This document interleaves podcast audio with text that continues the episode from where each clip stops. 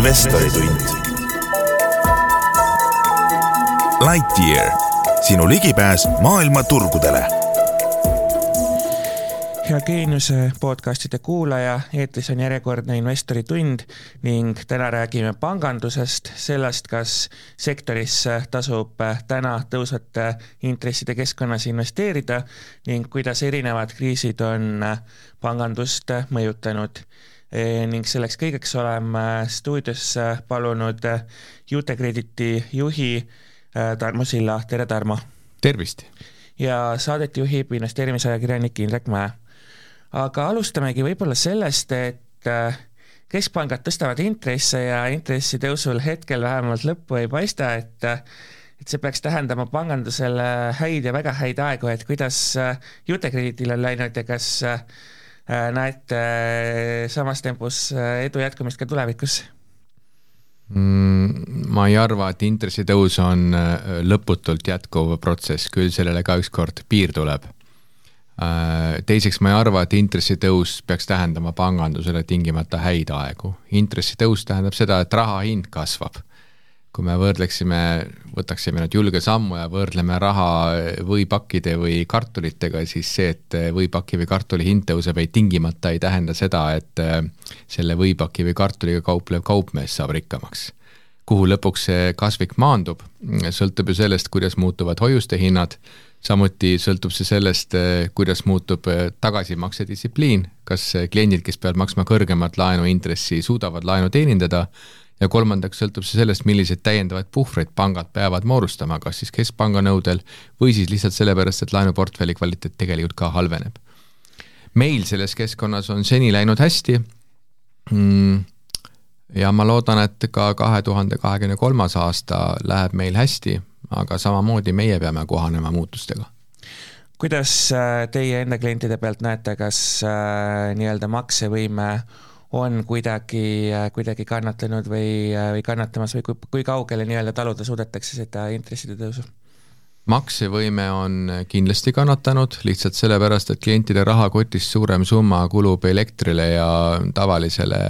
ostukorvile. see tähendab seda, et vaba raha hulk muudeks tegevusteks on väiksem Äh,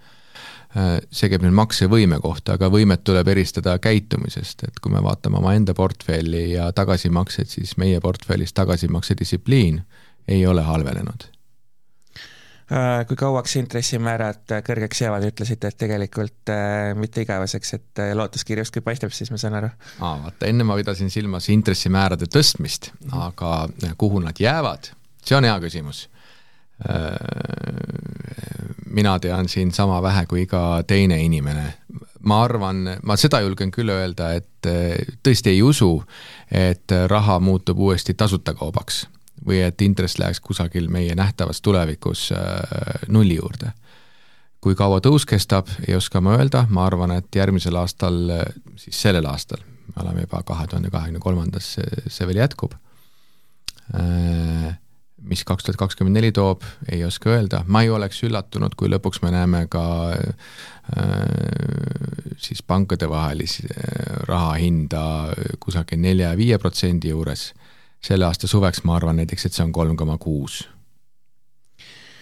äh, mainisitegi muuhulgas seda, et äh, inimesi kimbutab äh, kõrge, kõrge energia hind, et räägime natuke siis ka inflatsioonist, et jah, hinnad tõusevad, et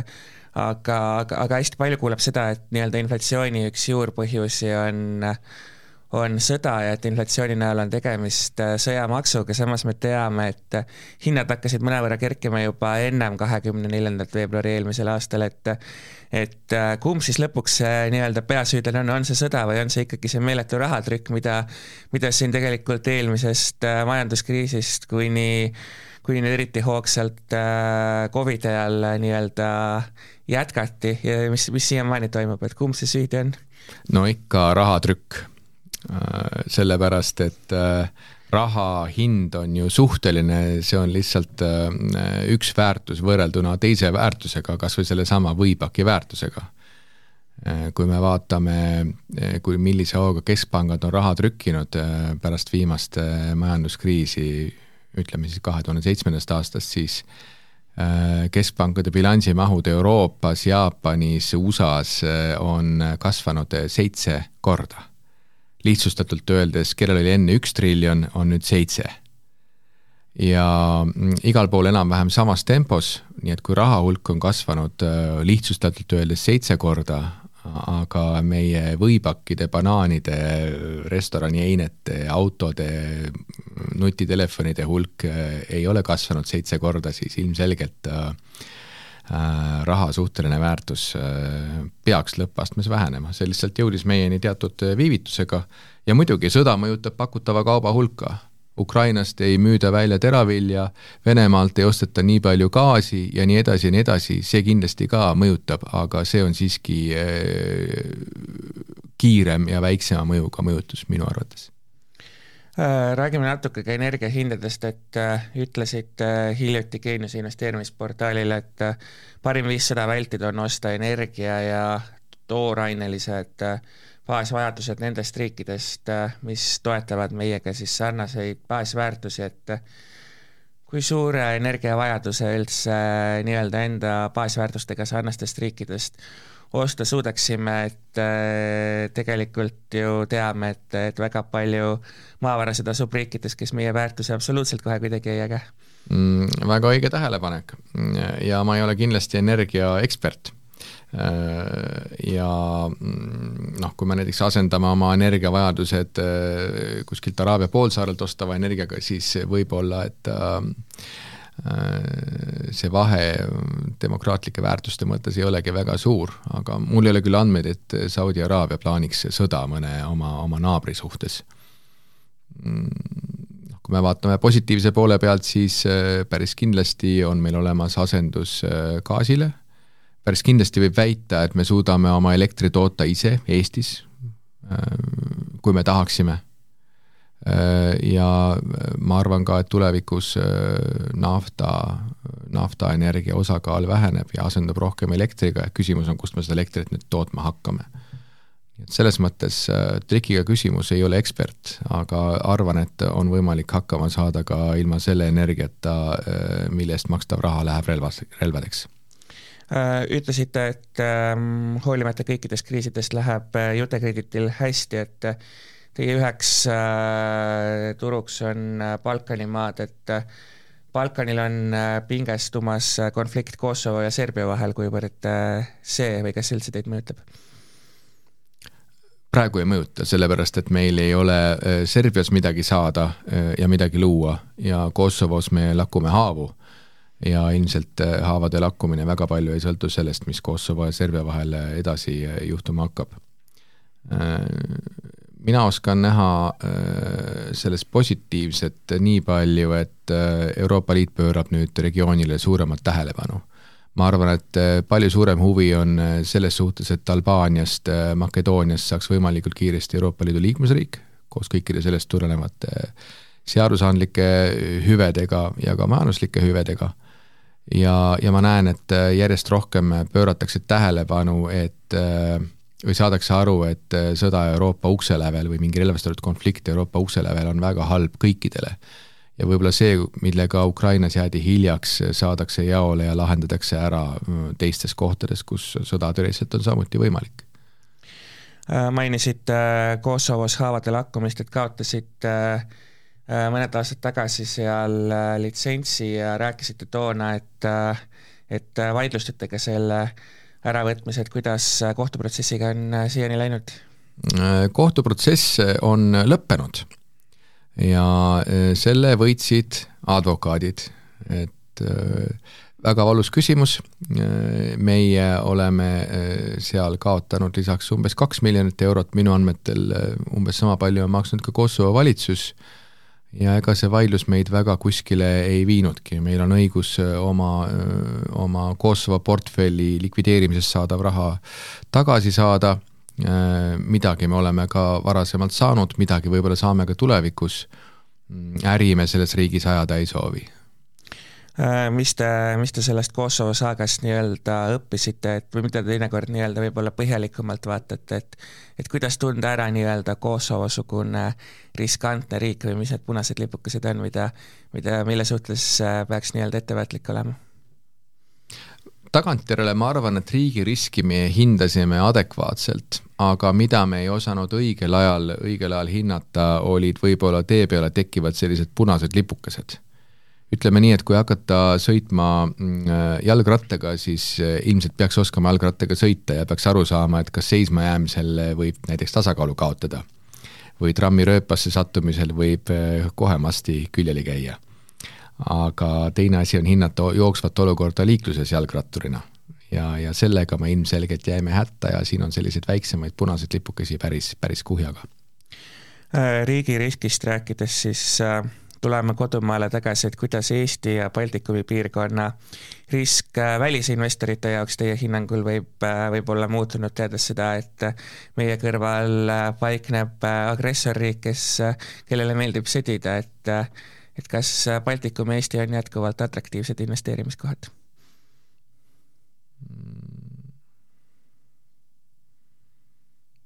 minu arvates on äh, tekkinud kaks sellist reaalsust, äh, mille üle on raske vaielda, esiteks, et sõda on, sõda on reaalsus, Venemaa kõrval elades sõda on reaalsus, see on võimalik teine reaalsus on samuti ja see on see, et äh, tanke antakse. Venemaale vastuastumine ei ole mingisugune tabu, tankid on reaalsus. Ja edasi on küsimus, kuidas keegi siis oma selle riski, riski ja mm, võimaliku tulu suhte ära hindab ma isiklikult äh, ei taju tegelikult äh, negatiivset või, või äh, kartlikumat suhtumist Eestisse või meie Balti piirkonda. nii et kapital kallimaks pole meie ettevõtete jaoks muutunud? Ma ei, ma ei saa meie ettevõtjate eest rääkida, ma saan rääkida meie ettevõtte eest ja meile hetkel ei ole see kallimaks muutunud, meil on ees küll üks võlakirjade refinantseerimisring käesoleval aastal ja eks me seal näeme, kuidas kapitali hinnastatakse. kui ma vaatan börsil kaubeldavat võlakirja, tema hinda, siis ma ei näe, et Ukraina sõda oleks siin oluliselt muutnud meie jaoks. Mainisid äh, võlakirjade refinantseerimist, kas jutt käib nendest võlakirjadest, mis täna on noteeritud Nasdaq Tallinnal? ei, jutt on ainult nendest, mis on noteeritud Frankfurdi börsil äh,. millal võiks äh nii-öelda selles osas selgust saabuda, et tulles Ukraina sõja juurde tagasi, et millal teie loodate, ilmselt ettevõtjana te peate ka mingisuguseid äh, prognoose või makrokeskkonda kuidagigi prognoosima, et millal see sõda siis lõpuks lõpeb? Jälle väga, väga raske küsimus. inimesena tahaks muidugi, et Ukraina võidaks kohe, soovitavalt mõne kuuga aga kui me jätame selle osa kõrvale, siis äh, mida me teame, tegemist on äh, äh, kahe suurriigi vahelise sõjaga. see on suuremahuline konflikt. sellesse on kaasatud terved ühiskonnad, ühelt poolt üle saja miljoni, teiselt poolt umbes nelikümmend miljonit inimest, pluss kõik Ukrainale kaasa mõtlevad ja Ukrainat toetavad riigid Äh, ajalooõpikutest äh, ma ei tea ühtegi äh, sõda, mida Venemaa oleks alustanud ja tihti sõdu on alustanud Venemaa ise. ma ei ole ei tea ühtegi sõda, mida Venemaa oleks alustanud ja lõpetanud ise kuidagi vabatahtlikult. me teame sõdu, mis on lõppenud kas Venemaa võiduga teatud juhtudel või sõdu, mis on lõppenud nende sõjalise kaotusega. Nüüd, kui me selle aluseks võtame, siis järgmine küsimus, et millal võiks see sõjaline lahendus saabuda ma arvan, see sõltub tegelikult pakutavast, ühelt poolt Ukrainale pakutavast relvade hulgast ja selle kiirusest, ja teiselt poolt sõltub see Venemaa äh, sisemise, sisemisest nõrkusest või kui kiiresti ta sisemiselt nõrgeneb. mõlemad, tundub mulle, on pikaajalised protsessid, mida tuleks mõõta pigem, pigem kuudes kui mitte, kui mitte aastates, aga tõepoolest inimesena ma tahaksin, et see lõpeks kiiresti Ukraina võiduga. Olete öelnud, et äh, juutekrediit äh, võiks Ukraina turul võimalusi näha, mille poolest see turg äh, atraktiivne tundub? nelikümmend miljonit inimest, kelle riigist osa on segi pommitatud ja kes peavad kõike otsast alustama, minu arvates väga atraktiivne olukorras, kus Ukraina majandus on hävitatud ja Ukraina on sõltuvuses äh, Äh, välistoetustest, et, äh, et kas see pole risk kas või selle koha pealt, et ukrainlaste maksevõime ja maksekäitumine võib-olla ja distsipliin ja kõik, okei distsipliin mitte, aga et sõltuvad väga palju nii-öelda välistest teguritest, mitte neist endast. Mm, aga need välised tegurid kindlasti saabuvad ma mõtlen ka majanduslik abi, kas seda makstakse kinni siis, siis venelastelt ära võetava rahaga või, või Euroopa ja Ameerika poolt antava rahaga või laenatava rahaga, kindlasti välised tegurid saabuvad. ja see on kindlasti suur turg, rusikareegli järgi võiks eeldada, et seal on vähemalt kakskümmend miljonit inimest, kellel on igakuine sissetulek ja kes tahavad oma elujärgi parandada kohe ikka seesama vana küsimus, kas on mõtet külmkapi ostmiseks või uue külmkapi ostmiseks äh, koguda kaksteist kuud raha ja olla kaksteist kuud ilma või osta see kohe ära ja maksta kolmteist või neliteist kuud äh, järelmaksu? kui äh, suurt intressi Ukraina kui äh, kõrge riskiga turult äh, nii-öelda saaks äh, erinevate laenutoodete eest küsida, et kui te võrdlete näiteks oma teiste tegevusturgudega, kas see, kas see nii-öelda äh, riskipreemia oleks seal oluliselt kõrgem või pigem mitte? ma arvan, et laenude hind äh, Ukrainas erineks äh, laenude või järelmaksude hinnast teistel turgudel ainult ühe, ühe faktori poolest. ja see faktor on äh, kursi, valuutakursi risk. et kui seda teaks, võiks kohe ära vastata, muidu ma ütleksin, et saja euro laenamisel üheks aastaks on igakuine tagasimakse kümme eurot ja kogu tagasimakse sada kakskümmend eurot. olete äh, võlakirjadega nüüd äh, Nasdaq Tallinna börsil olnud varsti kaks pool aastat, et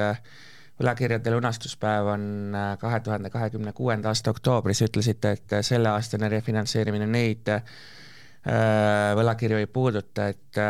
mis teie plaanid on siis Tallinna börsil noteeritud võlakirjade osas, et kas investor, kes täna mõtleb, et ostaks kas või praegu Jutekrediti võlakirja Tallinna börsilt, et kas ta võib olla kindel, et ta saab oma intressi kahe tuhande kahekümne kuuenda aastani? ta võib olla kindel, et me täidame lepingut, leping on see, et me lunastame võlakirja, meil on õigus ka ennetähtaegselt lunastada, aga sellisel juhul me peame maksma preemiat meil ei ole plaanis võlakirju ennetähtaegselt lunastada, me oleme kasvuettevõte, ma pigem vaataksin selles suunas, millal me teeme järgmise emissiooni ja oma bilanssi veel äh, kasvatame. me tahaks ikkagi miljon klienti ja miljard eurot bilanssi ära teha järgmise mõne aastaga. kui äh, tulite äh, Tallinna börsile, siis siis need võlakirjad emiteeriti kümneprotsendilise intressiga, et et toona ma mäletan, et inflatsiooni ei kartnud, et täna reaaltootlust vaadates siis inflatsioon on tegelikult olnud kõvasti üle kümne, selle kümne protsendi, et kas sellest tulenevalt, kui ütlesite, et tuleb järgmine missioon ka, et kas siis, kas siis on oodata palju kõrgemat intressi või või, või mis te, mis te, mis te ütlete nendele investoritele, kes kes seda kümmet protsenti on tahtnud saada, aga võib-olla peavad täna mõtlema, et reaaltootlus on ikkagi negatiivne? parandan, kõigepealt number on üksteist protsenti aga rääkides reaaltootlusest, siis ma tegelikult ei ole teiega nõus. ma tean küll, mis on jooksvad inflatsiooni näitajad, aga inflatsiooni mõõdetakse äh, siis mitte äh, kõiges, mis on investorile oluline, vaid inflatsiooni mõõdetakse tavalise tarbija ostukorvi järgi, mis sisaldab elektrit ja, ja toiduaineid ja muud. Nii et see, et võipakk, piltlikult võipakk on muutunud aja, aastaga Eestis näiteks kakskümmend protsenti kallimaks aasta baasil arvutatuna ei tähenda seda, et, et investeeringu reaaltootlus on negatiivne. vähemalt minu isiklik võitarbimine on piiratud. ja sama käib elektri ja kõige muu tarbimise kohta. nii et investorina tuleb ikkagi vaadata, kas raha hulk, mis on portfellis, kas see kasvab ja kuhu seda on võimalik veel paigutada, nii et see oleks minu hästi lihtne vastus. Muide, aktsiahinnad on isegi langenud, nii et kui rääkida inflatsiooni keeles, võiks öelda, et kapitaliturgudel on deflatsioon. Mm, kuivõrd olete ka Arko Vara nõukogu liige ja seotud ka kinnisvarasektoriga, siis uurin äh, natuke ka siin eelseisva kohta, et et äh, paljud eksperdid ütlevad, et kinnisvaraturg pole veel langust näinud ja sellel aastal seisab sees kohati isegi kolmkümmend protsenti, kas jagate seda pessimismi või või, või, või, äh, või näete siin ka erinevaid optimistlikke tahkusid hmm.? ma arvan, et äh, hoonete äh, uut, uue kinnisvara rajamise kulu ei ole langenud ja ma arvan ka, et maa ruutmeetreid vähemalt Eestis niisama lihtsalt juurde ei teki. mis ma veel oskan öelda, ilmselgelt tehinguaktiivsus on langenud ja nende müüjate puhul, kes on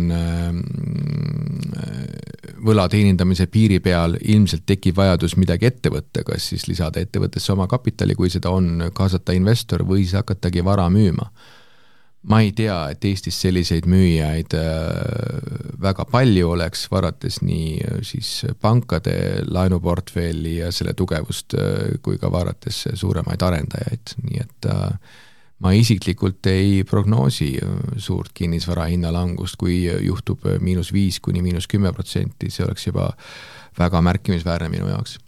nii et ka Arko Vara ja, ja teiste kinnisvaraettevõtete aktsiaid võib julgelt börsilt osta? Mm, jälle sõltub, millised on investori eesmärgid, mina isiklikult äh, enda aktsiaid hoian ja ainult tarkvara eest rääkides, ma ei ole muidugi tarkvara tegevjuht, aga nii palju ma ju tean, et äh, ettevõtte kogubilansist ligi pool on omakapital ja ülejäänu on paigutatud äh, ehitustesse, selliste korterite ehitustesse, mille otsas me võime ka rahulikult istuda, neid natukene kütta. kinnisvara, hea kvaliteediga kinnisvara on õnneks selline asi, mille otsas võib ka rahulikult istuda, kui seda kütta ja korras hoida, ei juhtu temaga mitte midagi kuna tegutsete äh, niivõrd erinevates ärides ja tunnete teisi turge väga hästi, et et küsiks kohe ka kinnisvara vaatepunktist, et äh, kas ei ole mõte, mõtet olnud, et Balkanil mõni, mõni kinnisvara äri avada või kuidas Balkani turg võrreldes Eesti turuga kinnisvara vaatest tunduks? Mm, kindlasti on riskid ja marginaalid, mõlemad on suuremad tervikuna hea kvaliteedi, hea kvaliteediga kinnisvara pakkumine on äh, väiksem. Äh, ja kõige, kõige suuremaks riskiks ma hindaksin, äh, nagu ka laenamise puhul, tegelikult avaliku sektori siis valitsust, valitsusorganeid ja, ja samuti seadusandlust ja selle kiiret muutumist kui keeruline on üldse nii-öelda arenevad, arenevatesse riikidesse oma äridega, olgu see siis kinnisvara või pangandus siseneda, et mida peaks, millega peaks kindlasti arvestama, kaua see aega võtab, kui palju nii-öelda peab eel, eelnevalt, ma ei tea, erinevaid kontakte nii-öelda lobistama ja nii edasi, et mis need olulised verstapostid on mm.? noh, kui ma meile tagasi mõtlen, siis äh, iga riigi käivitamine keskmiselt vähemalt aasta ja igas riigis äh, jooksvasse kasumisse jõudmine ehk ots otsaga kokku tulemine veel vähemalt kaks aastat otsa nii et selline kolmeaastane horisont, aga sõltub muidugi ka ärist, võib-olla ka õnnestub osta, teha kinnisvara, osta üks maatükk, millel on ehitusõigus juba peal, kohe hakata ehitama, ehitada see õigeaegselt valmis, nii et ostjad on järjekorras ukse taga. võib-olla, et see läheb kiiremini, aga minul ei ole see seni õnnestunud. Äh, nagu, nagu mainitud, tegelete väga palju erinevates, väga paljudes erinevates valdkondades, et muuhulgas olete olnud ka advokaat, et et äh, küsingi võib-olla selle poole pealt, et et äh, mis on võib-olla nagu, mida te inimesena näete, et äh,